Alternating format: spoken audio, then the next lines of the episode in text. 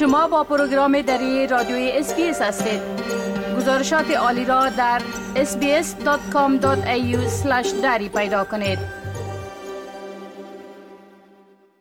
حال همکارم سامنوری درباره یکی از مهمترین رویدادها صحبت می‌کنند آقای انوری سلام عرض می کنم خب مهمترین رویداد امی راه اندازی کمپاین ضد جاسوسی در استرالیا است. بله اگر لطفا اول درباره این کمپاین توضیح بتین که ای چی است و چگونه راه اندازی میشه. با سلام به شما و شنوندگان عزیز همانطوری که اطلاع دارید در هفته های اخیر مسئله جاسوسی کشورهای خارجی از اعضای جوامع مهاجر استرالیا بسیار داغ بوده. در اواسط ماه جاری کلر اونیل وزیر امور داخلی استرالیا افشا کرد که سازمان استخبارات داخلی استرالیا یا ایزیو یک عملیات جمهوری اسلامی ایران در جاسوسی از یک شهروند ایرانی استرالیایی را شناسایی و خونسا کرده.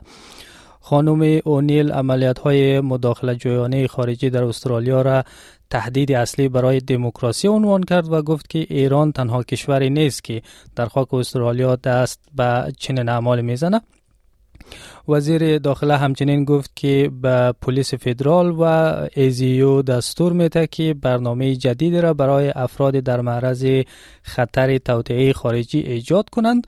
برنامه ای که بتانه اونها را در شناسایی و نحوه واکنش به این گونه فعالیت ها کمک کنه. اکنون پلیس فدرال استرالیا کارزار را برای آگاهی رسانی در مورد فعالیت های جاسوسی خارجی به جوامع مهاجر استرالیا را اندازی کرده که در این کارزار سعی میشه که به اعضای جوامع مهاجر درباره شناسایی فعالیت های جاسوسی خارجی آموزش داده شود و همچنین از اونها خواسته میشه که اگر احساس می‌کنند که از سوی عمال کشورهای دیگر دنبال میشن یا تحت نظر هستند موضوع را با پلیس در میان بگذارند طی کمپین یک برگه جامعه معلوماتی از سوی پلیس فدرال تهیه و به بیش از سی زبان ترجمه میشه. همچنین افسران روابط عمومی پلیس فدرال به صورت مستقیم با جوامع دیاسپورا ارتباط برقرار می کنند و در مورد این موضوع به آنها آگاهی میدن. بله خب می‌تونین بوین که این مسئله در استرالیا چقدر مهم است و از نظر استرالیایی ها چی اهمیتی دارد؟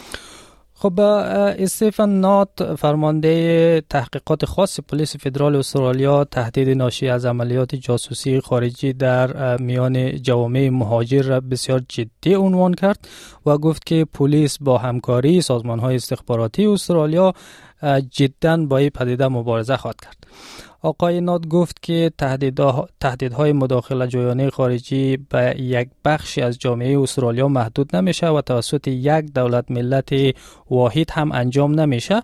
بازیگران دولتی خارجی که فعالیت های خسمانه علیه سایر کشورها انجام میتن در پی ایجاد و دنبال کردن فرصت های مختلف برای مداخله در امور داخلی استرالیا از جمله از تصمیم گیرندگان در سطوح مختلف دولت در طیف وسیع از بخش گرفته تا جوامع ما هستند.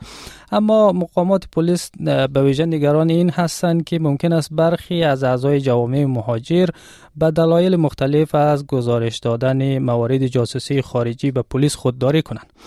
دلایل گزارش نکردن موارد می توانند عدم درک درست از عملیات های جاسوسی یا مداخله جویانه خارجی یا ترس از هدف قرار گرفتن اعضای خانواده یا اقاربشان در کشور زادگاهشان باشد.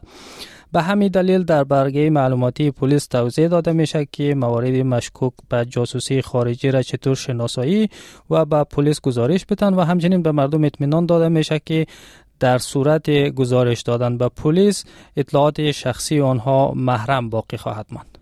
بله خب یک مقدار اگر درباره نگرانی مقامات معلومات بتین چرا نگران هستند از این ناحیه؟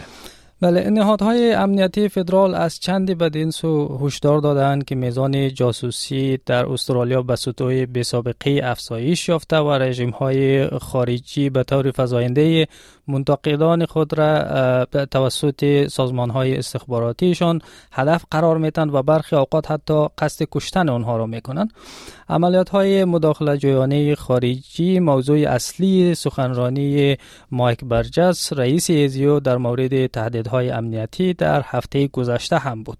رئیس سازمان جاسوسی استرالیا فاش کرد که این عملیات ها در استرالیا معمولا توسط رژیم های خودکامه انجام میشه اما گاهی کشورهایی که معمولا دوست کانبرا محسوب میشن هم دست به چنین اعمال می‌زنن. آقای برجس در سخنرانی در مورد دو توطئه توسط دو سازمان اطلاعاتی خارجی جزئیات بیشتر ارائه کرد و گفت که در یک از این توطئه ها قصد بری بود که هدف را به خارج از کشور بکشانند و بعد در اونجا از شرش خلاص شوند.